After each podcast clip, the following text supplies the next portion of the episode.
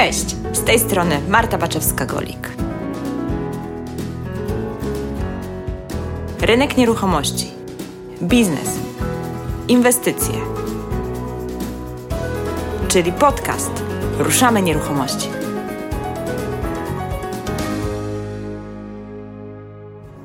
W zeszłym tygodniu mówiłyśmy z Martą o naszych błędach, jakie popełniliśmy na naszej drodze inwestorskiej. Co byśmy zmieniły i zrobiły inaczej, gdybyśmy miały zacząć od nowa? Dzisiaj podobne pytania zadałam Pawłowi Górskiemu, założycielowi jednej z największych sieci biur nieruchomości, Freedom Nieruchomości, a obecnie inwestorowi i deweloperowi. Wiele osób pyta mnie, czy dobrym pomysłem jest rozpoczęcie swojej przygody z nieruchomościami od pośrednictwa.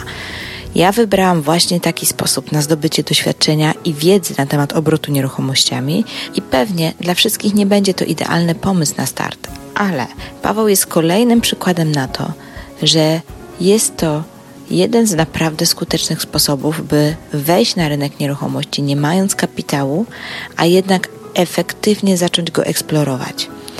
Podobną drogę zresztą zaczynał inny gość mojego podcastu, pewnie go kojarzycie, Daniel Siwiec, który również zaczynał jako pośrednik, później prowadził własne biuro, e, aż do momentu, w którym aktywnie zaczął sam inwestować i budować nieruchomości.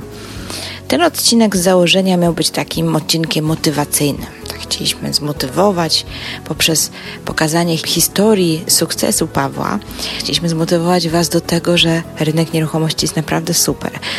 Ale tak naprawdę w trakcie nagrywania trochę nam się koncepcja zmieniła i wydaje mi się, że bardziej pokazaliśmy z Pawłem takie blaski i cienie biznesu nieruchomościowego bo Paweł szczerze, naprawdę szczerze opowiada o swoich wyzwaniach, jakie miał jako założyciel biura oraz o tym, z jakimi dzisiaj się mierzy jako inwestor i deweloper. Myślę, że po tym odcinku już nikt naprawdę mi nie zarzuci, że koloryzuję i ubarwiam biznes w nieruchomościach, by sprzedawać swoje własne szkolenia. Prawda jest taka, że biznes nieruchomościowy daje ogromne możliwości, ale wiąże się też z dużą odpowiedzialnością i dlatego właśnie z Martą zdecydowałyśmy się dzielić wiedzą z innymi, po to, by to ryzyko w nieruchomościach minimalizować. 31 sierpnia 2019 roku w Warszawie jesteśmy na żywo razem z Martą i mamy tam wystąpienie na forum Kobiety Inwestują. Będziemy mówić o tym, dlaczego warto inwestować w nieruchomości, bo pomimo tych wszystkich cieni, jaki biznes nieruchomościowy z pewnością ma, w moim odczuciu tych blasków jest znacznie więcej. I to właśnie te blaski decydują o tym, że pomimo wszystko ciągle jesteśmy w tym biznesie i pomimo wszystko Paweł także jest ciągle w biznesie nieruchomości. W Warszawie poprowadzimy również warsztat Wystartuj w nieruchomościach, na którym powiemy Ci, jak sobie radzić z tymi e, stresującymi sytuacjami, jak opanować swoje lęki i obawy, jak my sobie z tym radzimy. Na warsztatach pomożemy Ci wybrać i zaplanować wdrożenie Twojej strategii inwestycyjnej w życie. Warsztat jest w sobotę, więc w poniedziałek, jak wrócisz do pracy, to wystartujesz jak odrzutowiec. Wejdziesz na rynek i zaczniesz działać z poukładaną wiedzą i co najważniejsze, z konkretnym pomysłem i planem działania. Oczywiście dla słuchaczy mamy rabat, 10% rabatu na nasze warsztaty. Możesz kupić bilet z opcją uczestniczenia w całym forum inwestycyjnym. Będzie tam dużo bardzo fajnych prelegentów, no i co najważniejsze, cudowny networking. Natomiast jeżeli jesteś zainteresowany kupieniem biletem, biletu z forum, to spiesz się, spiesz, bo wiem, że tam się bilety kończą na to forum. W każdym razie kod, kod rabatowy, najważniejsza historia. Kod rabatowy brzmi Warszawa. Jeżeli wrócisz do koszyka ten warsztat lub warsztat z forum i wpiszesz kod rabatowy Warszawa, wówczas cena spadnie o 10%. Szczegóły wszystkie znajdziesz na stronie bit.ly ukośnik odlotowy warsztat. Jerzy, w ogóle super, że przyjechałeś na warsztat. Byłoby mi bardzo miło, jakbyś się podzielił z innymi, jak było, jakie są Twoje wrażenia, jak Ci się podobało i czy warto było. Myślę, że było warto, ponieważ dla osób, które dopiero zaczynają swoją przygodę z nieruchomościami, bezcenne są kontakty, które y, możemy tutaj nawiązać podczas tego spotkania. Dla mnie to jest najcenniejsze. Ja już od jakiegoś czasu y, myślę o nieruchomościach w sensie inwestowania, generalnie zajmowania się i wybrania własnej drogi, tak? czyli znalezienia to, o czym rozmawialiśmy, właściwej strategii, y, która by odpowiadała jakby y, moim możliwościom, moim zdolnościom i zobaczymy, co z tego wyniknie. Tak? Polecam. A czy udało Ci się znaleźć odpowiedź na Twoje pytania, z jakimi przyjechałeś dzisiaj na warsztat do Gdyni? Y, myślę, że w mniejszym gronie, gdybyśmy mieli jeszcze trochę więcej czasu, to, to miałbym więcej pytań, głównie do Ciebie, ponieważ Ty jesteś z Gdańska, ja jestem z Gdyni. Ja mieszkam tu bardzo blisko, także dwa kroki stąd. Bardzo się ucieszyłem, że, że spotkanie będzie w Gdyni, dosłownie 5 minut mam do domu. Także, Szczęściarz, bo niektórzy tak, z daleka bardzo ja przyjechali. Nawet z Brukseli. Także y, generalnie poleciłbym i bardzo fajna jest ta właśnie interakcja, tak? Czyli jeżeli jest jakiś temat, to y, zadajecie pytania i y, wszyscy, którzy tu dzisiaj byli, mieli co najmniej raz, mieli możliwość coś powiedzieć od siebie, tak? Czyli jaką strategię sobie wymyślili, czy, czy niektórzy szukają dopiero do swojej drogi. Także bardzo fajnie. No też polecam Twoje wywiady, podcasty, bo, bo od, tego się, od tego się zaczęło. Tak? Gdzieś tam przypadkiem e, znalazłem e, jakiś pierwszy podcast i przesłuchałem może nie wszystkie, ale sporo i, i też sporo wiem na ten temat e, z tego źródła. Super. Naszym celem na ten warsztat było takie wypuszczenie Was z, taki, z, taką, z takim przekonaniem, że wiem co robić, że wiem jaki będzie mój pierwszy krok, co zacznę robić, jaką strategię i tak dalej. Moje pytanie jest takie, czy Tobie się udało znaleźć e, właśnie tą strategię, którą chcesz realizować i czy masz swój pierwszy krok, czy mógłbyś się podzielić, co zaczniesz robić, jak wrócisz do domu? Myślę, że tak. Nawiązałem co najmniej dwa kontakty od inwestorów, którzy byliby zainteresowani wzięciem udziału w mojej strategii ponieważ e, ja do tej pory jeszcze nie mam tego doświadczenia, być może ona będzie się rozwijała, ta moja strategia, ale na dzień dzisiejszy wymyśliłem taką, gdzie, gdzie wsparcie tej drugiej osoby, tego inwestora. A powiesz, co to jest? No to jak mówiłem wcześniej, tak? Ale tutaj nie wiedzą. Okej, okay, okej. Okay. Na już moim, moim takim planem jest wyszukiwanie e, nieruchomości z problemami, ogólnie mówiąc problemami, e, rozwiązywanie tych problemów i w miarę szybkie przedstawienie oferty inwestorom, których jest całe mnóstwo w tej chwili z tego, co ja słyszę, co widzę i co tutaj dzisiaj też się dowiedziałem. Natomiast jakby ten cały proces dalszy chciałbym jakby już scedować na kogoś innego. Ja tu bym się zatrzymał na tym etapie, tak? Czyli chcesz e, wyczyścić nieruchomości z problemów różnego rodzaju prawnych tak. i przekazać komuś gotowy temat do obróbki dalszej. Dokładnie tak. To jest moja strategia na dzisiaj. Super. Trzymam za Ciebie kciuki. Daj nam znać koniecznie, jak poszło i czy się udało taką nieruchomość znaleźć i czekamy na Twój sukces. Dzięki dziękuję wielkie. serdecznie, dziękuję za spotkanie, dziękuję uprzejmie. Cześć Paweł. Cześć. Jak super, że do mnie wpadłeś i że możemy coś ponagrywać, bo słuchacze nie wiedzą, ale to już jest nasze nasze trzecie podejście do tego, żeby nagrać w końcu podcast. No, dokładnie. To się, co się spotkamy, to sporo jakichś wizji i patrzymy na zegarek, a tu... A to czas, czas się skończył. Czas się skończył. I ups, nie zdążyliśmy nagrać, ale tym razem naprawdę tutaj byliśmy dosyć dobrze na poszło, nie? Tak. Tylko jakieś 20 minut przygadaliśmy przed nagraniem, więc jest nieźle, więc jest nieźle. Słuchajcie, e, w moim studiu podcastowym dzisiaj ze mną Paweł Górski, który już e, po raz drugi występuje w podcaście Nieruchomości, prawda? Tak, dokładnie. Wcześniej rozmawialiśmy na temat rozwijania sieci franczyzowych, bo mhm. Paweł był współzałożycielem i współwłaścicielem był. Założycielem jest się już do końca życia. Aha, czyli jesteś założycielem. A udziałowcem a, już nie. A, udziałowcem nie. Dobra, dobra, sprostowanie. W związku z tym e, zaprosiłam Pawła, żeby podpytać go, jak przebiegała jego droga, bo historia jest bardzo ciekawa, bo tak naprawdę zaczęłaś od pośrednictwa, a w tej chwili bierzesz się ostro za budowanie. I w związku z tym moje pytanie jest e, takie. Jak to się stało, że od pośrednika doszedłeś do momentu, w którym jesteś? Początki były w ogóle takie, że to jest taka u mnie długa droga i, i bym powiedział, e, jakby ona wynika z pewnej pasji do nieruchomości.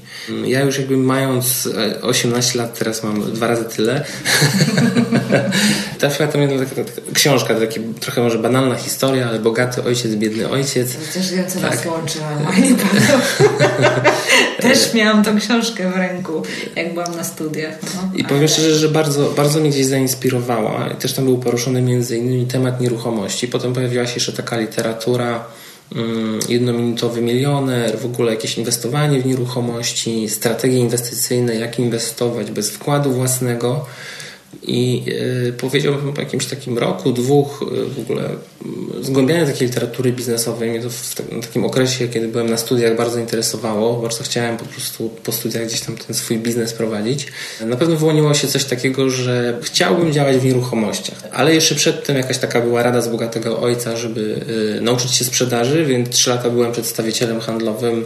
Udało mi się no, tam też pewne rzeczy poosiągać na tyle, że, że miałem jakiś kapitał na, na rozpoczęcie tego biura nieruchomości, ale pomysł się wziął w ogóle stąd, że właśnie ja tak naprawdę najbardziej chciałem inwestować, ale stwierdziłem, że tego kapitału nie mam, więc tak naprawdę myślę, że jedną ze strategii wejścia bez kapitału w branży nieruchomości jest na pewno zostanie pośrednikiem i e, ale pracowałeś u kogoś w biurze pośrednictwa? E, nie pracowałem, choć bardzo, bardzo chciałem. Pamiętam, że wysłałem około 11 CV i co? I bez odpowiedzi to jakby się nie spotkało się z żadną odpowiedzią. Czyli jednym samym wkurzyłeś się za, że jest nie, nie miałem mnie. wyboru. Czasem... nie chcę mnie, to ja sobie zrobię. Potem po latach spotkałem y, kilka osób, do których aplikowałem i przyznałem się, że nie zatrudniły mnie z uwagi na to, że właśnie martwiły się o to, że przyjdę i odejdę, tak?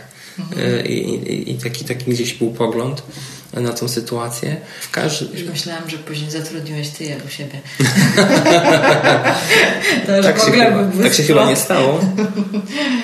Aczkolwiek może ktoś był franczyzobiorcą później od ciebie, czy nie?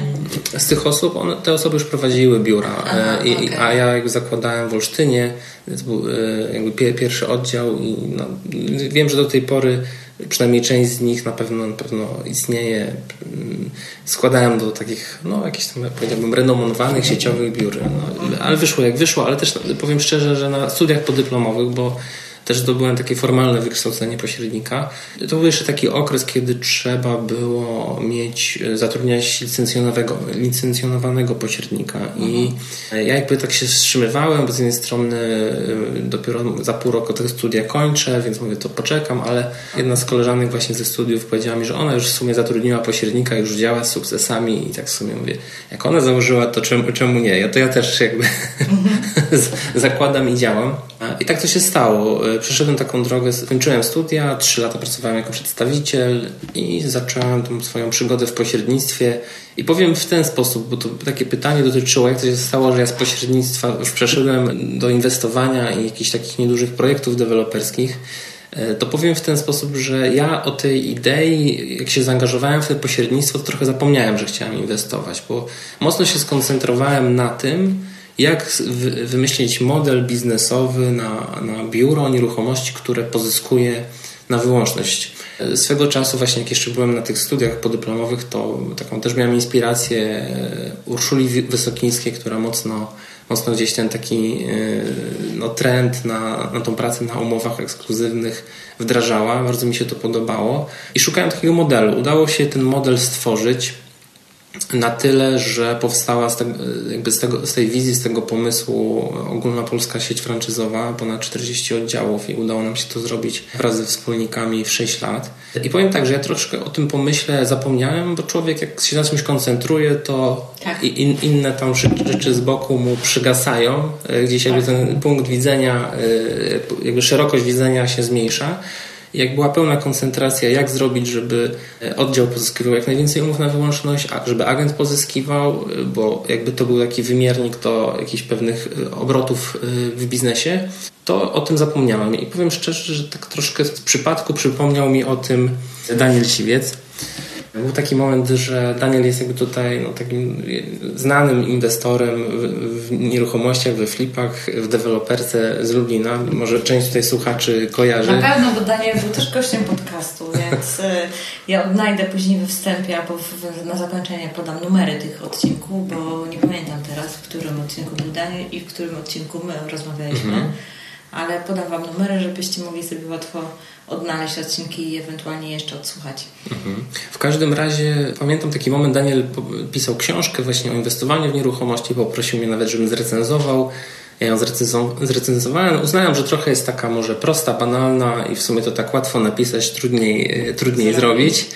Ale potem po jakimś czasie był jakiś taki wielki event inspiracyjny prowadzony przez Milewskiego. E, w każdym razie widziałem wystąpienie na YouTubie Daniela, który opowiedział, że właśnie jak miał 26 lat, to dzięki, dzięki inwestowaniu doszedł do miliona złotych e, własnego kapitału.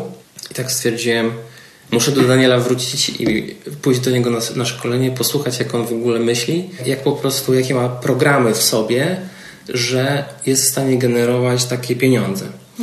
I powiem tak, że tutaj po gdzieś tam siedmiu latach jakby działalności, już kiedy ten biznes y, franczyzowy biur nieruchomości był rozwinięty, trafiłem do Daniela na szkolenie i powiem tak, że ja w jakiś sposób tą wiedzę miałem, ale ja ją używałem do, tylko do tego, żeby pozyskiwać umowy na wyłączność i mhm. Y, gdzieś tam budować autorytet przed klientem, a nie używałem tej wiedzy, żeby no, jakby tak na własną rzecz, żeby inwestować. Po prostu w, w inny sposób to widziałem.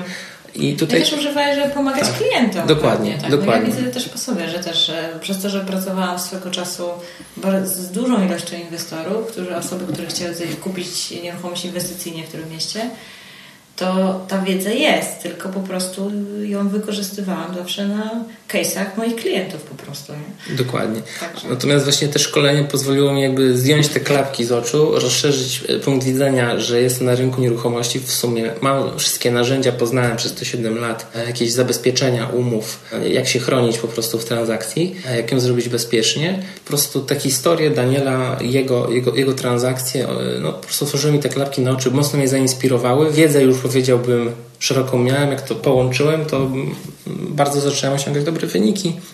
Na poziomie, pierwsze takie podsumowanie to było niecałe 30% w skali pół roku z kapitału własnego. Drugie pół roku wyszło e, dość podobnie. Też przyszedł taki jakiś u mnie moment, że musiałem podjąć jakąś decyzję, na którym biznesie się koncentruję, a stwierdziłem, że chcę się rozwijać dalej. I w sumie mhm. przypomniałem sobie o tym moim takim pierwotnym założeniu, co, no, to jakby skutkowało tym, że ostatecznie z moimi wspólnikami porozumiałem się co do odsprzedaży im udziałów i wyjścia z biznesu e, z pośrednictwa. Równolegle praktycznie w tym samym miesiącu podpisałem umowę na swój jakby pierwszy projekt deweloperski e, mając tam kilkanaście flipów za sobą. Nieduży projekt na cztery domy szeregowe. Jakaś ta historia wychodzi płynnie. Dzisiaj, dzisiaj jestem już przy końcówce tego tego projektu przechodzimy do etapu finalizacji sprzedaży klientom poszczególnych segmentów. No i szukam kolejnego projektu, także. Super. Jakiś czas temu rozmawiałam z Dawidem Gutkowskim na temat właśnie też, e, znaczy opowiadał też swoją historię i on też ma taką historię, że rozwinął najpierw biuro, potem flipował, wiem, że ty też flipujesz, czy flipowałeś i potem zaczął budować. Więc taka podobna dosyć mhm. historia, tylko on nie poszedł w sieć franczyzową, tylko rozwinął biuro mhm. wokół siebie. No i ja zadałam mu pytanie takie, czy uważasz, że to jest dobrym pomysłem, żeby właśnie zacząć od pośrednictwa, jak się chce wejść na rynek nieruchomości? Czy to jest w ogóle dobry kierunek myślenia? Mhm. I czy ewentualnie jakbyś miał to, chcesz spojrzeć na tą swoją drogę jeszcze raz, czy też byś w ten sposób zaczął, czy jednak może i trochę inaczej? Wiesz, bo to człowiek mądry po, po, po czasie, masz już jakiś tam dystans, perspektywę, jakbyś się mógł podzielić swoimi takimi wnioskami -hmm. i refleksjami. E, Marta, ja uważam, że na pewno to była dobra droga i -hmm. być może, i, i, myślę, że bym ją e, z, znowu powtórzył. Być, być może e, szybciej sobie bym przypomniał o moim celu. Bo może nie było, to, nie było tej potrzeby tych aż 7 lat, chociaż Powiem tak, to każda rzecz jakby czegoś nas uczy. Ten czas pozwolił mi doświadczyć tego, jak to jest zbudować dużą sieć, jak to jest tą siecią zarządzać, z jakimi to się też wiąże problemami i korzyściami, tak? No tak, tak bym to ujął. Zawsze też jakby marzyłem, żeby właśnie gdzieś pisałem pracę magisterską na studiach z umowy franczyzowej. Także to jest jakiś tam etap, który, który zamknąłem ale gdybym miał to spojrzeć z perspektywy y, osoby, która po prostu chciałaby inwestować i, i, i, zapytała mnie właśnie, czy, czy warto zostać najpierw pośrednikiem, to uważam, że warto. Z uwagi na to, że naprawdę można się bardzo dużo nauczyć, zobaczyć mnóstwo transakcji i tak naprawdę przy jakimś minimalnym ryzyku własnym. Oczywiście ryzyko jest tego, czy my zarobimy z tej prowizji na, na, na, życie, czy nie zarobimy, ale to jest o wiele mniejsze ryzyko niż robienie własnych transakcji. Także na pewno to jest dobra droga, ale też bym postawił pytanie, kiedy, kiedy bym tą drogą nie szedł już, tak? Uważam, że jeżeli ktoś tak naprawdę ma mm, gdzieś tam zajmować się flipami i ma dość spore doświadczenie ogólnobiznesowe, pracował w sprzedaży, prowadził jakiś biznes, y, miał jakieś tam w życiu już doświadczenia, trudniejsze momenty, y, czasem i jakieś porażki, z których wyciągnął wnioski, wnioski. Ma jakąś taką też już ostrożność y, w działaniu, tak bym to ujął, to być może wystarczy, żeby pojechał na kurs, czy odbył kurs taki jak u Ciebie, czy u innych osób, które uczą flipowania, tak? tak?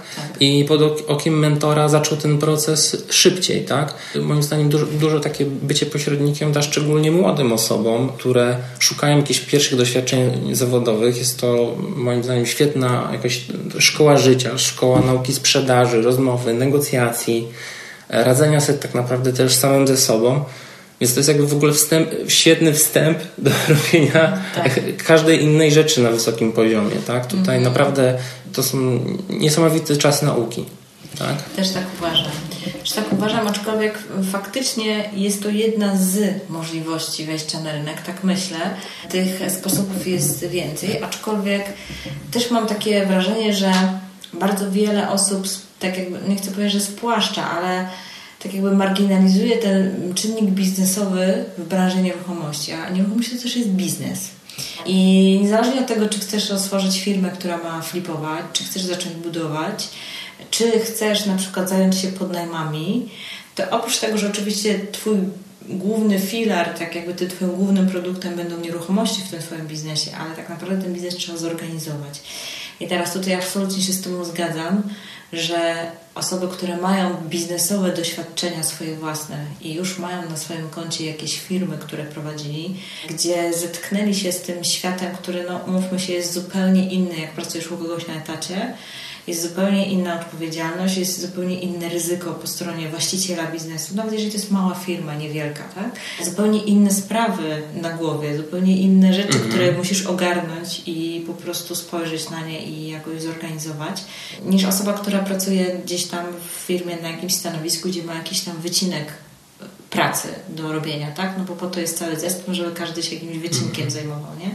Więc może faktycznie to można przenieść. Aczkolwiek znam osoby, które pracowały z kolei na dużych, takich wysokich stanowiskach gdzieś w korporacjach i te na przykład osoby, które już były na tych stopniach jakichś menedżerskich, zarządzających, na przykład też fajnie sobie radzą. Mhm. Mam taką znajomą, zresztą Barbara e, była też gościem mojego podcastu, która pracowała w bardzo dużej firmie i tak jakby była analitykiem, analizowała projekty właśnie inwestycyjne dla tamtej firmy. Mhm. To mając takie doświadczenie, ona właśnie wchodzi, teraz buduje swoje pierwsze osiedle tam ośmiu właśnie bliźniaków, takich e, dwulokalowych, mhm. no to ona naprawdę, oczywiście nie ma tego doświadczenia budowanego, ale naprawdę jeżeli chodzi o od strony organizacji, zarządzania, analizy projektu, to jest po prostu świetna w tym, nie?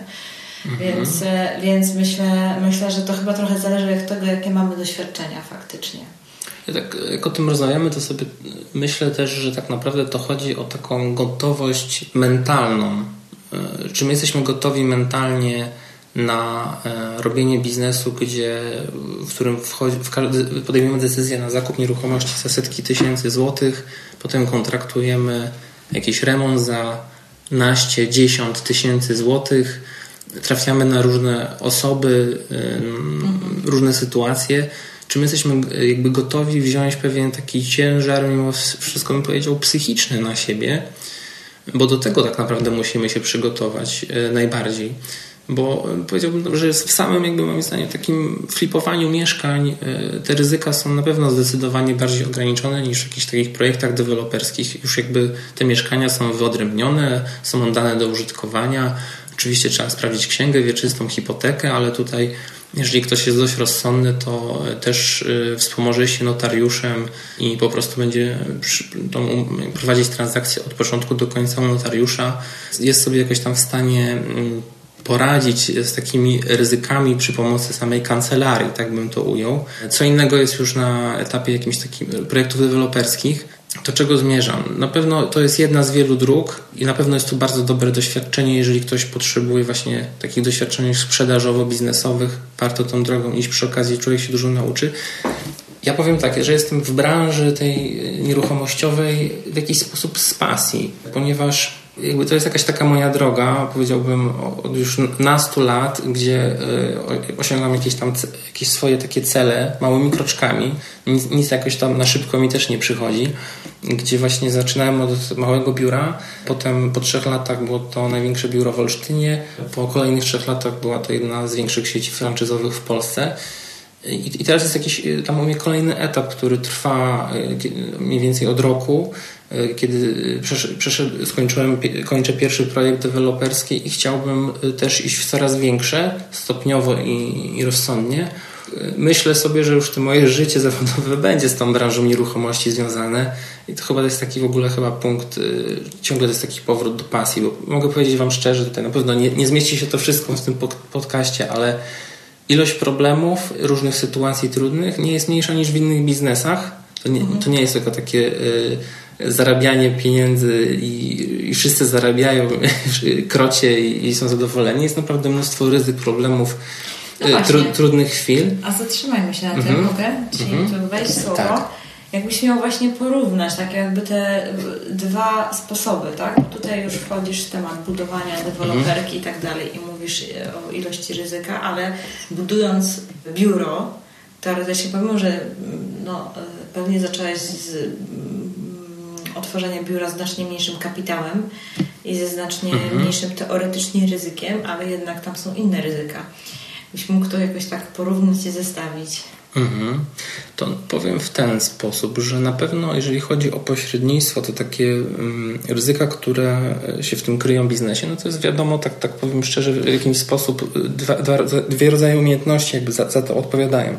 Umiejętności sprzedażowe, bo możemy prowadzić biuro w takim ujęciu typowo, że e, indywidualnie po prostu mm, nie budujemy jakichś zespołów sprzedażowych, tylko sami mhm. gdzieś tam jesteśmy właścicielem, jednocześnie działamy jako agent. I tak naprawdę to jest trochę taka nasza kwestia umiejętności dotarcia do drugiego człowieka, przekonania go do naszej usługi. E, I no to jest takie nasze ryzyko, czy po prostu zarobimy na nasze koszty, czy nie zarobimy. Tak? To, to jest, powiedziałbym, taki poziom ryzyka. Jeżeli jak, jeszcze jakoś tam budujemy skalę i zespół, to po prostu to pytanie się rozszerza, czy zarobimy na większe koszty. Mhm. I, i, I tak naprawdę na większej skali to coś zrobimy. I teraz y, idąc już jakby w ogóle w kierunku flipów, to jest taki dobry, do, dobry powiedziałbym hmm, case na przygotowanie się do projektów deweloperskich, bo to jest coś w mniejszej skali, a o wiele, wiele prostszego już dzisiaj z mojej perspektywy. I tutaj y, już operujemy większymi kwotami niż. Przy, y, powiem tak, że tutaj może troszkę odpadać, nawet przy flipach to ryzyko w porównaniu przez chwilę do biura, ono staje się mniejsze, bo tak naprawdę ciężko jest, powiem szczerze, e, stracić na nieruchomości, nie wiem, 5, więcej niż 5%, 10%, tak? W ogóle jest ciężko stracić, bo raczej w większości sytuacji, takich jak się flipuje, no to takim wynikiem, powiedziałbym, który może się wydarzyć, to najwyżej wyjdziemy na zero. A to wynika z prostej rzeczy, jeżeli przyjmiemy pewne założenia, że nie wiem, zarobimy na 1000 zł na metrze, to w najgorszym wypadku no, powinniśmy, jak nie zarobimy tego 1000 zł, to wyjść na zero, co przy, załóżmy przy mieszkaniu 40-metrowym, no 1000 zł to już jakieś tam 40 tysięcy różnicy. Jak zejdziemy 40 tysięcy z ceny, no to tego klienta jakoś znajdziemy. I te ryzyka są jakoś tam może ograniczone, Oczywiście ja na przykład tą e, skalę ryzyka byłem w stanie sobie podkręcić przez to, że nie chciałem zostawiać jakoś okazji i mm, po prostu wychodziłem z założenia, że rezerwuję mieszkania, nie mając nawet całej kwoty i potem dobieram inwestorów i rosło to ryzyko, że mogłem, powiedziałbym, stracić zadatek, a, ale na szczęście jakoś nigdy tak się nie ułożyło, zawsze znalazłem inwestora do wspólnego zrobienia przedsięwzięcia. Mhm. To powiem tak, że to ryzyko znowu rośnie, jak e, wchodzi w grę dźwignia, bo niestety nikt z nas nie posiada tyle, większość z nas nie posiada tyle pieniędzy, żeby obracać, nie wiem, naraz pięcioma, dziesięcioma nieruchomościami na początku. To ile czasu flipowałeś? Około roku. Około roku. Około, I ile projektów zrobiłeś? Zrobiłem około 10-11 projektów, tak mhm. bym to ujął. E, część na rynku pierwotnym, e, około pięciu mieszkań właśnie tak e, kupowałem, też sprzedawałem na cesji, mhm. ale też robiłem projekty i na sesjach na rynku wtórnym, ale też zdarzyło mi się zrobić jakby trzy remonty od początku do końca, tak? Mhm. Zdarzyło mi się też zrobić projekt podziału mieszkania na dwie mini kawalerki, Zdarzyło mi się zrobić y, flip na domu, mhm. Y, także gdzieś takie to było u mnie szerokie spektrum. Rozumiem, rozumiem. A jakbyś procentowo mówisz, że około 30%, ale jakbyś to tak, bo to pewnie jakaś średnia ci wyszła, nie? E, Czyli w najgorszym wypadku ile ci się udało procentowo zarobić, a e, twój zysk jaki był na danym projekcie? Czyli to taka najgorsza wtopa? najgorsza wtopa. Która to, to, i tak na plus. To, to były takie projekty, które przyniosły y, około 20 tysięcy. Y, to były takie dwa projekty.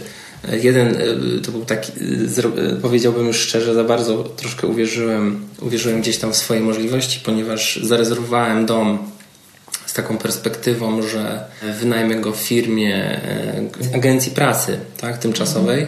I w sumie nawet miałem taki podpisany, powiedziałbym, list intencyjny, że ta agencja wynajmie ode mnie. Natomiast to było takie założenie, że ja rezerwuję ten dom, znajduję klienta, który będzie chciał wynająć za bardzo dobre pieniądze, bo ponad 10 tysięcy miesięcznie. I to miał być wynajem dla, pod hotel robotniczy, e, tak bym to ujął. I Natomiast był problem, e, żeby, e, żeby po prostu znaleźć inwestora, który chciałby to kupić i jakby zarządzać tym hotelem robotniczym. To było już tak troszkę, bym powiedział, o krok za daleko w, w, mo, w mojej kreatywności.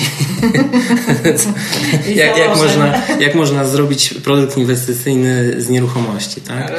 E, I ostatecznie jak tutaj wychodziłem z tej transakcji trochę w takim planem B na zasadzie wiedziałem od początku, że kupując ten dom, rezerwując go za 400 tysięcy, za 430 odsprzedam go od ręki. Gdybym miał czas, to bym go sprzedawał za 450 tysięcy. I, I powiem tak, że tutaj był raczej taki plan, że właśnie znalazłem firmę, która na 10 tysięcy miesięcznie była w stanie zakontraktować wynajem tego domu, czyli 120 tysięcy rocznie.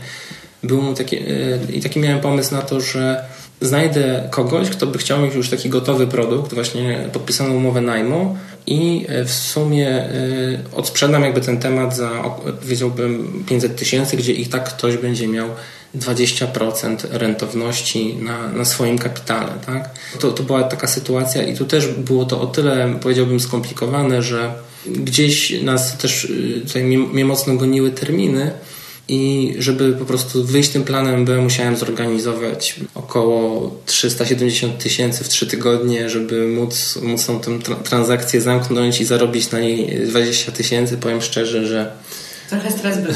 Stresu było i powiem szczerze, że te, te, te pieniądze, fajnie, że tak się zakończyło, ale powiem szczerze, że stresu było co niemiara, no ale się udało.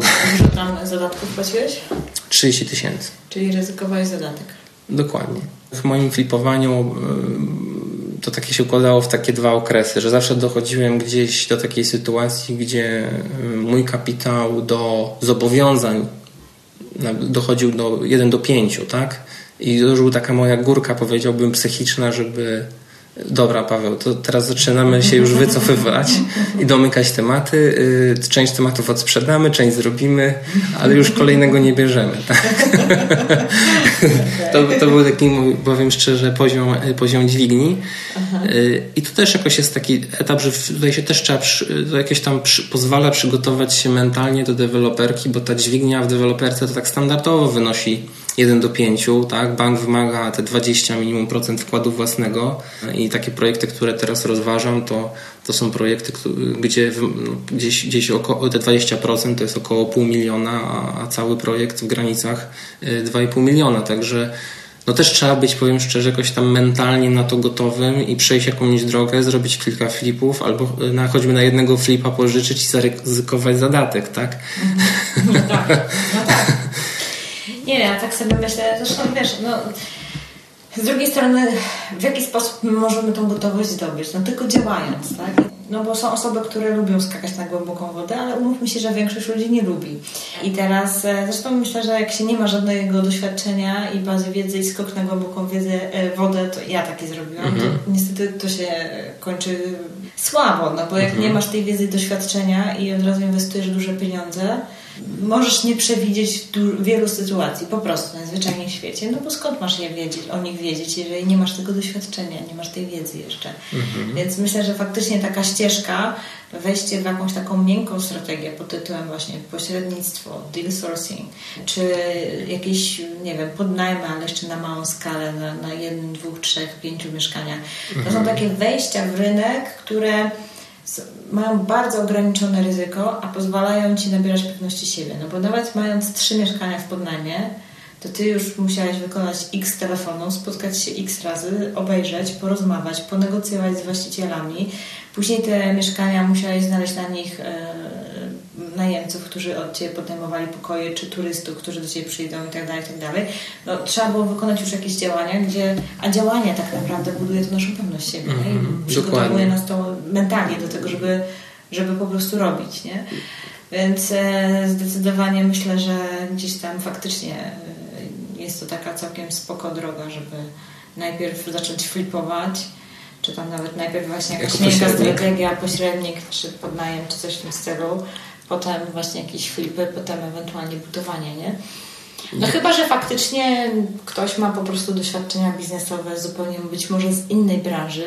E, tak jak na przykład mam jednego e, kursanta, który skończył nasze szkolenie który przez 20 lat był prezesem dużej, jednej z największych polskich mhm. firm produkujących gaśnice mhm.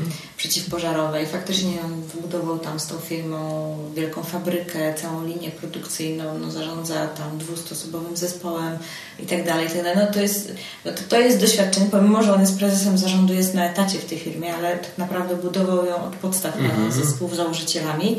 No to mając tak, to, takie duże doświadczenie biznesowe, jak on wszedł w flipy, to on w ciągu roku zrobił ich 15, tak?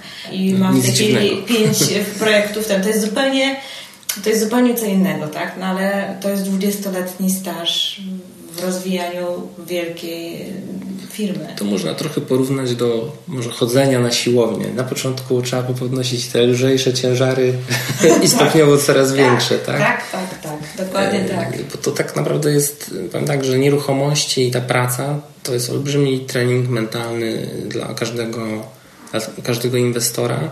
I to na pewno jest taka droga bezpieczna, żeby iść, iść gdzieś tam, robić lekki krok do przodu z troszkę y, większym ryzykiem E, ja jeszcze powiem tak, że zawsze w swoich projektach zastanawiałem się, jaki będzie ten plan B. Gdybym po prostu, mm, gdy podejmując te swoje inwestycje, zastanawiałem się mocno, ok, muszę kupić tak nieruchomość, czy tak jakby tutaj zarezerwować tą jakąś transakcję dla siebie, żebym jeszcze był w stanie, e, ona była jakoś atrakcyjna, gdybym ja musiał z niej wyjść.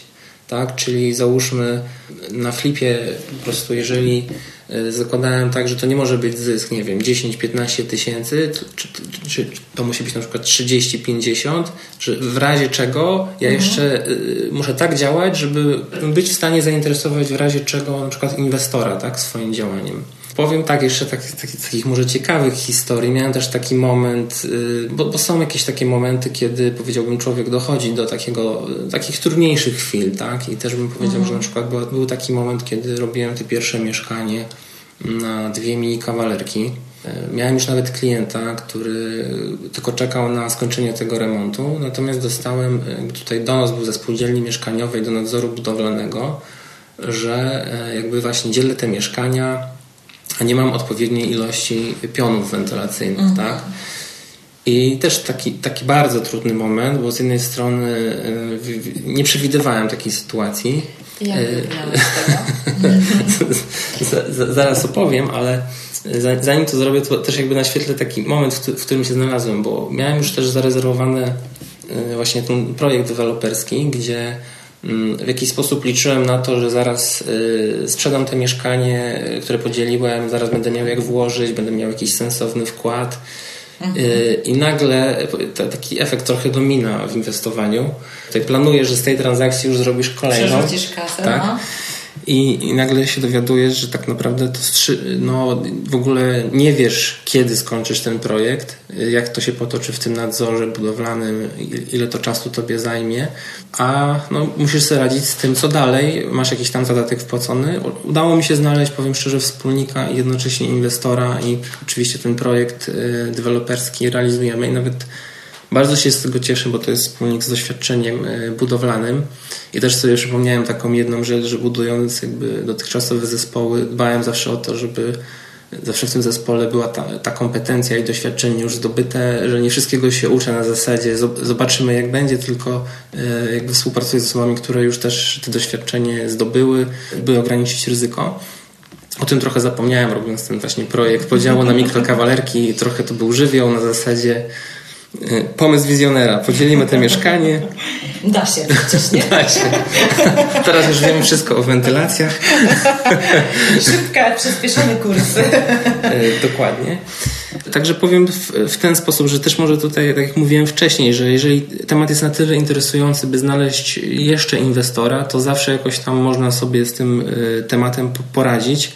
No oczywiście tutaj jest jakaś też taka ważna rzecz, żeby no, jakoś tam wytrzymać to w jakiś sposób samemu ze sobą, i podejmować zdroworozsądkowe decyzje, umieć pójść do kogoś, o, poprosić o aneks, o wydłużenie terminu, gdzieś tam y, chwilę po prostu umieć złapać pewien dystans do pewnych rzeczy i wrócić do nich za 2-3 dni, no bo takie rzeczy się po prostu w nieruchomościach y, zdarzają. zdarzają tak? Ale wiesz, fajne jest to w nieruchomościach, bo też miałam kilka jakichś takich kryzysowych sytuacji, ale że dzieje się coś, ale to nie jest tak, że, że ten wybuch jest po prostu jak nie zareagujesz od razu, to po prostu od razu płoniesz w tym pożarze, nie? Mhm. Jest tam zazwyczaj jakaś tam przestrzeń, bo nawet jak był jakiś donos, to zanim ktoś gdzieś przyszedł na jakąś kontrolę, jakiś coś tam, to tu mamy jakiś czas, że można coś zareagować, nie wiem, kogoś się poradzić, poszukać pomocy, poszukać dodatkowego inwestora i to jest jakiś taka mm, bufor czasowy, nie?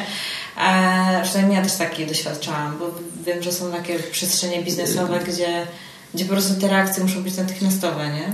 To, to, to prawda, że tutaj jest jakiś ten czas jeszcze na zastanowienie. Ale, ale powiedz jeszcze, jak wybrnąłeś z tych yy, wentylacyjnych, bo to ciekawa historia. Powiem w ten sposób. Y, pierwsza, pierwsza, pierwsza rzecz, powiem szczerze, ten nadzór nie był budowlany taki straszny. Po, po prostu poszedłem porozmawiać mhm. po prostu z listem, który otrzymałem, mhm. jaka jest sytuacja. Dostałem jakąś tam informację, co mam zrobić, żeby było dobrze i po prostu musiałem uzyskać y, opinię kominiarską E, musiałem przygotować projekt budowlany e, na tą instalację z osobami, która ma uprawnienia. Oczywiście wykonać te instalacje poprawnie. I powiem tak, tutaj też miałem takiego, jeszcze powiem takiego naprawdę stresa, bo na przykład szuka się kominiarza, ten przychodzi, mówi, jeden mówi, że tego się nie da zrobić, drugi mówi, że trzeba robić te dodatkowe piony po elewacji na zewnątrz, uzyskać zgodę od spółdzielni. No i tak leci ci drugi tydzień, trzeci, a ty ciągle nie masz tego kominiarza, który wie jak to zrobić w końcu i tak szukasz kontaktu, pytasz znajomych, czy ktoś zna kogoś, kto. No, no, i, no i tam powiem, powiem, w końcu udało mi się trafić na projektanta instalacji sanitarnych, który przygotował ten projekt i już z jakimś projektem e, rozmawiałem z tymi kominiarzami. I to jest wszystko czas i do końca nie wiesz. Tak, i też trzeba pamiętać, że tak. tego typu specjaliści jak kominiarz to oni się specjalizują w tych kominach, ale niekoniecznie w tym, żeby y, zrobić projekt inwestycyjny, który będzie dobry dla Ciebie. W sensie nie, nie, to jest troszeczkę tak, jak często księgowa księguje, mhm. ale ona Ci nie znajdzie rozwiązania na różne Twoje problemy. Często musisz Ty jako przedsiębiorca pomyśleć, poszukać informacji, zadać pomysł i potem jak już przyjdziesz z pomysłem, no to ona sprawdzi te przepisy i dobierze te przepisy tak, żeby ten pomysł zrealizować, nie? Ale ona sama z siebie nie ma tego pomysłu. Bardzo często tak jest w biurach księgowości, przynajmniej miałam takie doświadczenia. Tak samo właśnie z tym kominiarzem. Pamiętam też robiłam kiedyś remont, przenosiłam kuchnię do pokoju i też nie ma wolnego przewodu kominowego. No i nie da się, nie da się, nie da się, nie da się, nie da się, nie da się, aż w końcu po jakimś setnym telefonie do kominiarza mhm. raczył przyjść, bo on cały czas twierdził na podstawie planów w blokach z lat 80., mhm. przecież nie ma tych planów w ogóle jakichś sensownych, ale on twierdził, że on był w archiwum, że on wyciągnął, że on sprawdził, że tam nie ma tych kominów, nie? No ale w końcu jakimś, już chyba miał mnie serdecznie dosyć, bo tak do niego wydzwaniałam, przyszedł na wizję lokalną. Mhm. No i co się okazało, że akurat e, chłopaki, którzy robili remont, znali go. I się komin znalazł i się okazało, że się da. Ale nerwy były, stres był. Nie? Olbrzymi jest... trening mentalny, bo od tak. 99 razy dzwonisz i każdy mówi, że się nie da, a ty musisz znaleźć rozwiązanie. Ja miałem też o tyle ciekawie, że ja już miałem cały remont wykonany, podziału y, jakby od strony takiej technicznej te, tego mieszkania na dwa. Miałem wykonane te przewody kominowe tak naprawdę człowiek nie może też jakoś tam spać po nocach, bo sobie myśli, no nie da się, no to będę przywracać teraz to wszystko do stanu pierwotnego, a mogłem po prostu zrobić prostego flipa i, i nic nie kombinować. To też mnie jedno nauczyło, żeby unikać kombinowania, robić najprostsze rozwiązania. Tak bym to ujął. Powiem tak, nieruchomości to jest zajęcie dla osób, które mają olbrzymią wytrwałość w sobie i jakieś takie no, jakieś pokłady takiej energii też i, i, i, są silne psychicznie, tak bym to ujął. Problemów jest co bez liku, większość można rozwiązać, tak bym to ujął.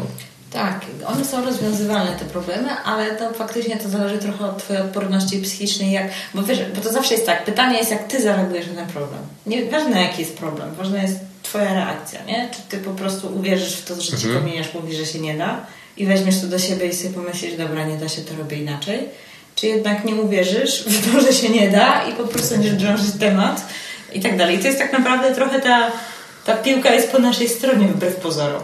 Pomimo, że ci się wydaje, że świat zewnętrzny ci coś narzuca, jakieś nadzory, jakieś coś tam, jakieś przepisy i tak dalej, i tak dalej, ale bardzo często jest tak, że, że, że, że osoby, które no, mają tą odporność, są wytrwałe, mają tu jakąś, jakiś, mm. nie wiem, jakieś, jakieś są takie trochę uparte w dążeniu do swojego, mm -hmm. do realizacji swojego celu, mm -hmm. jednak dopinają swego, bo po prostu nie odpuszczają, tak? Drążą temat tak szukałam rozwiązania, że w końcu znajdą 58 kominiarza, który zrobi odpowiedni projekt i jednak stwierdzi, że się da, nie? Jak najbardziej. I tutaj chyba każdy musi zapytać siebie w ogóle, idąc na pewną drogę, na jaki poziom ryzyka i stresu e, jest ktoś otwarty osobiście, tak? Mhm. Bo powiem w ten sposób. Ja, ja też wiem, że w jakiś sposób jestem w tej branży nieruchomości, bo jakiś poziom ryzyka mi kręci, jakiś poziom wyzwania mi kręci i jakiś poziom nagrody, która jest ewentualnie tak, do, bo, no, do uzyskania. To też jest tak, tak że im, z reguły jest tak, że w tych biznesach y, im większe ryzyko, tym większa nagroda, nie? Także, y, także to tak jest, tak. Ale to, mhm. wiesz, prawda jest taka, że jak się jest przedsiębiorcą i robisz biznes, to zawsze jest ryzyko. Mhm. To, tam, to, jest trochę jak, y, to uzależniające jak chyba wchodzenie po górach i wchodzenie na coraz wyższe szczyty. Tak, to... no jest, no właśnie. No właśnie. Y, wiele osób mówi, że nie rozumie alpinistów, ale no tak samo alpiniści mogą nie rozumieć nas. No, myślę, myślę, że każdy. To jest grupa osób, która potrzebuje wyzwań y, i, i gdzieś, gdzieś jakby znajduje sobie ujście na, na, na tej energii żeby, żeby, żeby, żeby właśnie te wyzwania realizować i mieć takie dni, kiedy się cieszy, cieszy z projektów. Wiesz, ja sobie tak czasami myślę, że, bo często mi zadają różne osoby takie pytanie, wiesz, jakie trzeba mieć cechy, albo wiesz, co wyróżnia inwestora od innych i tak dalej, i tak dalej. I tak sobie myślę, że faktycznie to jest chyba taka, po pierwsze, taka chęć takiego życia nie chcę powiedzieć, że ponadprzeciętnego, bo nie chodzi mi o to, że ludzie, którzy inwestują są jacyś ponad mhm. innymi mhm. i ja tu wartości, że są lepsi lub gorsi, że tutaj jakiś podział robię, bo absolutnie tak nie uważam. Natomiast faktycznie trzeba mieć tą taką w sobie ja to zawsze się śmiałam, że ja to mam taką chyba żyłkę hazardzisty w sobie, bo pracując nawet jako pośrednik, to trochę mhm. jest coś z hazardu, bo masz transakcję, która tak naprawdę do samego końca nigdy nie wiadomo, czy wyjdzie. Nie? To Wiesz, na pewno, jest, chodzisz, są emocje. Są emocje. Ja pamiętam, miałam takie czasami jeszcze zresztą na początku mojej kariery, y, jeszcze jak pracowałam w takim większym biurze, to mieliśmy czasami takie transakcje, że to po prostu tak emocje szły, że ja potrafiłam w biurze stać na głowie, nie? żeby po prostu krew nie odpłynęła odpowiednio, bo po prostu gdzieś tam te emocje podchodzą pod, pod gdzieś tam pod, pod, pod no, do, do mózgu twojego i absolutnie, absolutnie tak jest. I, I tym bardziej, że stawka jest o często bardzo fajne pieniądze, tak? Dokładnie. Jak mówimy o kilka dziesięciu tysięcy złotych prowizji, no to w tym momencie to już się nakręcasz jeszcze bardziej, nie? Więc to taka trochę nic takiego właśnie, takiej chęci tej nagrody wygranej, nie wiem, właśnie tak coś z hazardem mi się to każe. Ale w ogóle biznes jest taki, że grasz o tą wyższą stawkę i, i, i gdzieś tam to cię stymuluje, nie? Mm, to na pewno. Yy, także cóż, można powiedzieć, na pewno to, to jest w ogóle jakiś tam kierunek dla osób, które tą żyłkę hazardzisty mają i i, i, i, szukają wyzwań dużych pieniędzy, ale też no, nie obawiają się problemów, tak? To... Tak, ale trzeba jasno też powiedzieć, mhm. że jednak mimo wszystko inwestowanie w nieruchomości jest bardzo przewidywalne i, i prawda jest taka, że można też iść taką spokojną drogą. W sensie, że można sobie inwestować, ale na przykład, nie wiem, robię jedno mieszkanie, bo kapitał na jedno mieszkanie, nie zadatkuję pięciu innych. Dokładnie. Tak? tak. Bo to tutaj się nam robi tam, tylko że my właśnie się nakręcamy, chcemy coraz więcej, coraz więcej i przez to nam się tutaj ciśnienie rośnie na poboczu, nie? Ale gdybyś zrobił, sprzedał, wziął następny, sprzedał, oczywiście to jest wolniejsza ścieżka, tak? Jak, jak najbardziej. Ale można też i tak, więc jeżeli nie masz takich mocnych stalowych nerwów, nie masz się. Tutaj, no, masz... można, można to też na spokojnie podejść. Można i jak najbardziej można to zrobić w takim modelu, żeby praktycznie ograniczyć ryzyko straty do, do zera. Tak jak mówisz, po prostu kupić nieruchomość za gotówkę, bądź y, wziąć, dobrać kredyt jakby tutaj z, z własnych jakby na, na, na bazie swojej zdolności kredytowej zrobić remont, no ciężko by było, żebyśmy te mieszkanie przynajmniej nie odsprzedali za tyle, co je kupiliśmy. To jest nie, raczej to jest naprawdę, nierealne. To naprawdę musi być splot um, gospodarczy wydarzeń, no chyba, że faktycznie kupisz coś, co jest totalnie powyżej wartości i, i po prostu kupisz nie, nie analizując rynku wcześniej, nie znając po prostu realiów i tak dalej, no ale to Zakładam, że takie podstawy, jeżeli nie wiesz, jak to robisz, zapraszam Pani na Włościach, kurs nasz, od razu mała reklama, ale no to, to są takie rzeczy, które po prostu trzeba wiedzieć, tak? Jak zrobić, jak przeanalizować, jak policzyć i jakieś tam takie podstawowe rzeczy, nie? Ale ja zakładam, że wiesz to wszystko, jak zrobić, no to naprawdę mm. szanse, że nie sprzedasz i nie odzyskasz przynajmniej tego, co w te mm. są niewielkie. Dokładnie tak powiedziałbym, że chyba największe ryzyko jest w osobie sprzedającego, bo Czasem się zdarza, że osoby, które jakoś sprzedają tanio, nagle mają też jakieś powody, jakieś długi, jakieś różne problemy i to, co jest ważne, to y, umieć, y, znaczy jakby tutaj y, no, być może albo wesprzeć się pośrednikiem, albo też jakoś notariuszem, żeby tą transakcję dobrze ułożyć, dobrze zabezpieczyć, bądź właśnie pójść na taki kurs jak u Ciebie, gdzie po prostu zostanie wyłuskane, na które rzeczy warto, warto zwrócić uwagę. Mm, ja też mogę powiedzieć taką mam historię. Zbudowałem dużą sieć, 40 e, oddziałów, ale pracowałem głównie jako menadżer i na pierwszym flipie zamiast zarobić 70 e, parę tysięcy, zarobiłem 50. Całe szczęście był, był gdzieś tam jakiś zapas na błąd, ale prosta sprawa. Spłaciłem za zadłużenie e, sprzedającego na podstawie zaświadczenia, które nie było zaświadczeniem z numerem technicznym rachunku, tylko było e, jakby na jego zwykłym roże po prostu bank wystawił takie zaświadczenie. No i e, człowiek patrzy, czyta pieczątka banku, wysokość tak, zadłużenia. Takie, i... takie sytuacje się zdarzają. Myśmy też o tym opowiadały w jednym z odcinków z Joanną Bąk ale to już jest taki stary odcinek, dokładnie podobna, analogiczna sytuacja. Jak klienci kupowali za gotówkę, klient sprzedający przyjął zaświadczenie z banku, był to podany rachunek do spłaty, ale nikt się nie dopatrzył, że to jest zwykły rachunek taki osobisty. Dokładnie. A powinien być rachunek wskazania techniczny, taki, z którego nie można wypłacić pieniędzy. No i klienci spłacili, po czym sprzedający zamiast spłacić kredyt, wypłacił pieniądze do własnej kieszeni. U mnie była taka historia, że po prostu znikł, musiałem drugi raz tą kwotę spłacić. Na szczęście tu była kwota tam lekko powyżej 20 tysięcy, a całe szczęście, Miałaś że nie... margines zysku. Całe szczęście, że to nie było 200 parę, tak? Bo to by była bardzo, ale to bardzo droga lekcja. Ja myślę, że w ogóle to jest, e, że tak powiem, bardzo pouczająca historia, że, że właśnie każdemu się może zdarzyć taki, taki, taki błąd tak naprawdę, takie niedopatrzenie, niedopilnowanie, no bo to jest, no... Tak naprawdę, no my też jesteśmy jako ludzie podatni na to, że widzimy dokument, widzimy pieczątki i troszkę, i, i powiem szczerze, no ciężko, żebyśmy nie wierzyli w zaświadczenie z banku. Czy, mm. I teraz, musi, teraz my się zas, zastanawiamy, czy ono jest dobrze, czy źle wystawione. O tak bym to powiedział. To, to nie, ono było dobrze wystawione, tak. bo jest bank na polskim rynku, już może nie będę wymieniać ten, który cały czas wystawia takie zaświadczenia.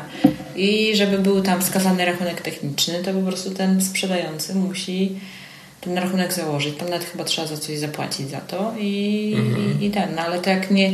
To nawet ludzie mogą nieświadomie, bo, bo, bo tutaj ten człowiek ewidentnie no, miał jakieś tam nieuczciwe zamiary, bo znikł tak, z tymi pieniędzmi. Dokładnie.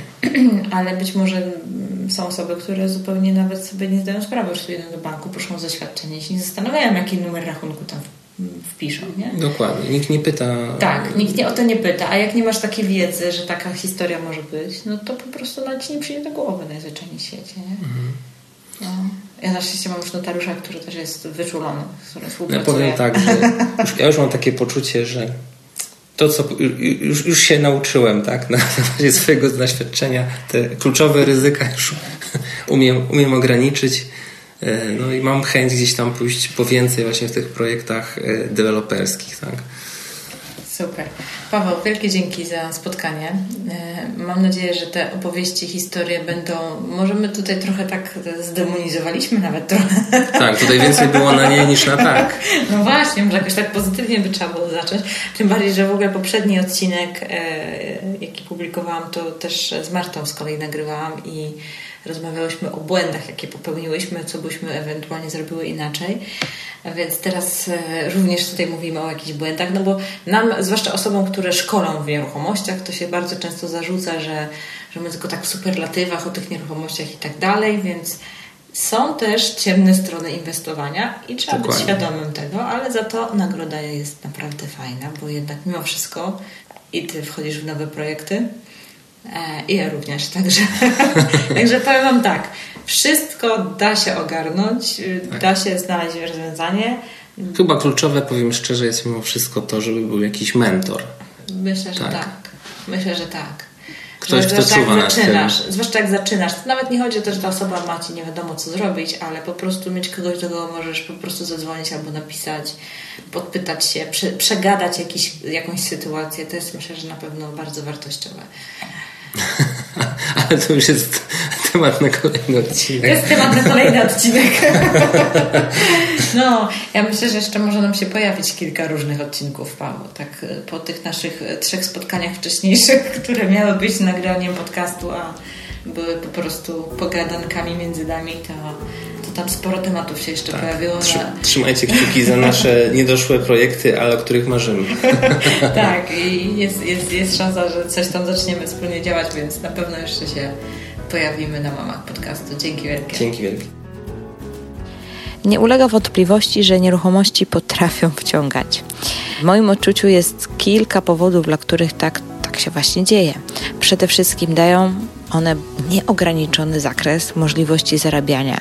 I mam tu na myśli zarówno wielkość zarobku, jak i mnogość sposobów na ich generowanie jak to się mówi, dla każdego coś miłego. Z drugiej strony dostarczają też wielu wyzwań i wrażeń. Paweł mówił o gotowości mentalnej do obracania dużym kapitałem. To prawda, jeżeli dla ciebie dzisiaj 10 czy 50 tysięcy stanowi no tyle ogromną kwotę, że inwestując ją będziesz mieć dyskomfort, to z pewnością dobrym pomysłem jest zacząć od czegoś małego. Być może od usług w nieruchomościach. Z czasem będziesz się oswajać z kwotami i ich wielkością.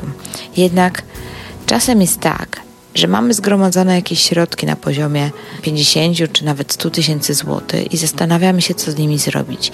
Niby to jest kwota duża i nieduża, ale przez brak własnej gotowości mentalnej do tego, żeby użyć dźwigni na przykład finansowej i skorzystać z tych pieniędzy i po prostu je zainwestować, e, przez to, że mamy właśnie, nie jesteśmy oswojeni z obrotem tak dużymi kwotami, to najzwyczajniej w świecie się po prostu boimy. Boimy się, że stracimy, boimy się, że nie tylko nie podwoimy naszego kapitału, czy nie pomnożymy naszego kapitału, ale no po prostu coś pójdzie nie tak i jeszcze stracimy więcej niż włożyliśmy, bo używając dźwigni jest to w sumie możliwe, no bo jeżeli masz 100 tysięcy, a używasz pieniędzy inwestorów na poziomie 500 tysięcy albo jakiejś tam innej kwoty, no to może się okazać, że projekt będzie porażką, no to może stracić razy pięć. I ja to doskonale rozumiem, że używanie własnych pieniędzy to jest jeszcze pół biedy, ale używanie właśnie dźwigni może czasami paraliżować. I co w takiej sytuacji zrobić? W moim przekonaniu ten lęk wynika przede wszystkim z braku wiedzy i co najważniejsze doświadczenia. A co za tym idzie? Jak nie masz doświadczenia, to też brakuje ci zaufania do siebie samego po prostu no, nie masz przekonania, że ci się uda. I jak z tej sytuacji wyjść? Po pierwsze, no, musisz zacząć zdobywać tą wiedzę, musisz zacząć się rozwijać i musisz zacząć zdobywać doświadczenie. Po drugie, najlepiej jest w takiej sytuacji zacząć od działania i używania strategii e, tak zwanego niskiego ryzyka. Od strategii, w którym no, wnosisz bardzo niski kapitał i nie musisz używać e, gigantycznej dźwigni i możesz przeznaczyć część tego kapitału na to, żeby rozwinąć swój biznes w nieruchomościach, a niekoniecznie zapożyczać się, żeby, żeby po prostu zacząć działać działać, to rozpoczęcie działania jest szalenie istotne, bo jeżeli nie zaczniesz działać, to nie ma w ogóle opcji, że ten lęk się zmniejszy, że kiedykolwiek ta Twoja obawa po prostu się zminimalizuje. No bo jak ona ma się zmniejszyć, jeżeli Ty nie dostarczasz samemu sobie dowodów na to, że w nieruchomościach można działać i można zarabiać, no to nie ma opcji, że przestaniesz się bać. Jest jeszcze trzeci sposób, być może e, najfajniejszy dla tych osób, które albo chciałyby zainwestować w kapitał, ale po pierwsze nie mają czasu i na przykład świetnie się rozwijają w swojej własnej branży, swojej własnej pracy, chciałyby zainwestować e, nadwyżki kapitałowe, jakie generują, ale niekoniecznie mają czas i chęci się zajmować tym, ale również dla inwestora, który właśnie się boi, chciałby wejść na ten rynek, ale się boi. I trzeci sposób to jest po prostu zainwestowanie własnych środków u boku doświadczonego inwestora. Zainwestowanie ich po prostu z kimś, do kogo mamy zaufanie, wiemy, że robi fajne rzeczy, że faktycznie zna się na tych nieruchomościach, że siedzi w tym temacie od lat, po prostu czuje temat. I myślę, że to są trzy naprawdę ważne sposoby i powiem więcej, można nawet robić trzy te sposoby równolegle, wdrażać. Jeżeli faktycznie chcesz postawić na nieruchomości i wejść w ten świat, to tak naprawdę możesz robić te rzeczy równolegle. Możesz rozwijać się, zdobywać wiedzę, możesz zacząć e, swoich sił właśnie w jakiejś strategii niskiego ryzyka i jednocześnie, jeżeli masz zebrany kapitał, możesz zainwestować u boku doświadczonego inwestora. Jak to wszystko razem zrobisz, no to będzie akcja petarda po prostu. No i teraz tak, po kolei. Jeżeli chodzi o zdobywanie wiedzy, no to oczywiście zapraszam Cię na stronę dwiemarty.pl. Znajdziesz tam całą masę szkoleń z zakresu różnych strategii inwestycyjnych. Jeżeli chcesz zacząć, ale czujesz się zagubiony, i słuchasz mnie jeszcze przed 31 sierpnia 2019 roku, to oczywiście zapraszam Cię na nasz odlotowy warsztat, który się odbędzie w Warszawie tuż przy lotnisku, dlatego też mamy tutaj skojarzenia z samolotami, ale odlotowy także, bo będziemy startować każdego, kto przyjedzie na ten warsztat biznesie nieruchomości. Po prostu nie ma opcji, żebyś wyszedł stamtąd bez gotowego planu działania. A po trzecie, to możesz także zapisać się na listę osób, które chciałyby ode mnie otrzymywać oferty inwestycyjne. Już o tej liście kiedyś wspomniałam w jakimś podcaście, ale przypomnę jeszcze, że ona funkcjonuje i nadal możesz e, się zapisywać, bo być może nie słuchać akurat tamtego odcinku. I o co chodzi z tą listą? Listę z Martą podzieliłyśmy na dwie grupy osób. Pierwsze dla osób, które chcą otrzymywać oferty z Wielkiej Brytanii oraz dla osób, które chcą otrzymywać oferty z Polski. Nie ma też problemu, żebyś zapisał się na dwie listy. I o co chodzi z tymi listami? Po prostu od czasu do czasu pojawiają się różnego rodzaju oferty inwestycyjne, zarówno mnie, jak i Marcie, i nie wszystkie są ofertami, które my jesteśmy w stanie zrealizować. I pomyślałyśmy sobie, że być może ktoś by mógł czasem z takiej oferty skorzystać. Jeżeli chodzi o mnie, to pojawiają się oferty zarówno sprzedaży biznesu w nieruchomościach, gotowego, y, zorganizowanego biznesu, czasem jakieś gotowce inwestycyjne o naprawdę fajnej rentowności dla osób, które myślą o inwestowaniu właśnie wynajem na długi termin. Czasem po prostu przychodzą inne nieruchomości, które są ciekawe z mojego punktu widzenia pod kątem inwestycyjnym oraz y, też nie ukrywam, że z Pawłem bardzo mocno y, myślimy o tym, żeby wejść w wspólny projekt inwestycyjny i pewnie przygotujemy jakąś fajną ofertę dla inwestorów, więc również tą ofertę będę wysyłać y, do osób, które się zapiszą na tą listę. Także jeżeli chciałbyś lub chciałabyś od czasu do czasu otrzymywać ode mnie maila z ofertami, to po prostu wejdź na stronę bit.ly ukośnik oferty ruszamy nieruchomości. Nie ma tych maili zbyt dużo, szczerze powiedziawszy od niedawna dopiero tą listę buduję i pewnie dopiero niedługo wyjdzie pierwszy mail z propozycją, także jeżeli się zapisać wcześniej, to pewnie jeszcze nic nie zostałeś i potwierdzić, że nie zasypuję spamem, nie zaśmiecam tej e, skrzynki i obiecuję, że będę to wykorzystywać tylko do jakichś naprawdę ciekawych ofert i które wydadzą mi się fajne, interesujące, które być może Ty będziesz chciał zainwestować, a być może będziesz znać kogoś, kto chciałby w to zainwestować i też tutaj możemy powspółpracować na tym polu takiego polecania kogoś. Także zapraszam Cię do zapisania się na listę bit.ly ukośnik oferty ruszamy nieruchomości no i spodziewaj się ode mnie e, odlotowych ofert. Ten odcinek dobiega już ku końcowi. Dzięki wielkie za jego wysłuchanie i do usłyszenia niebawem.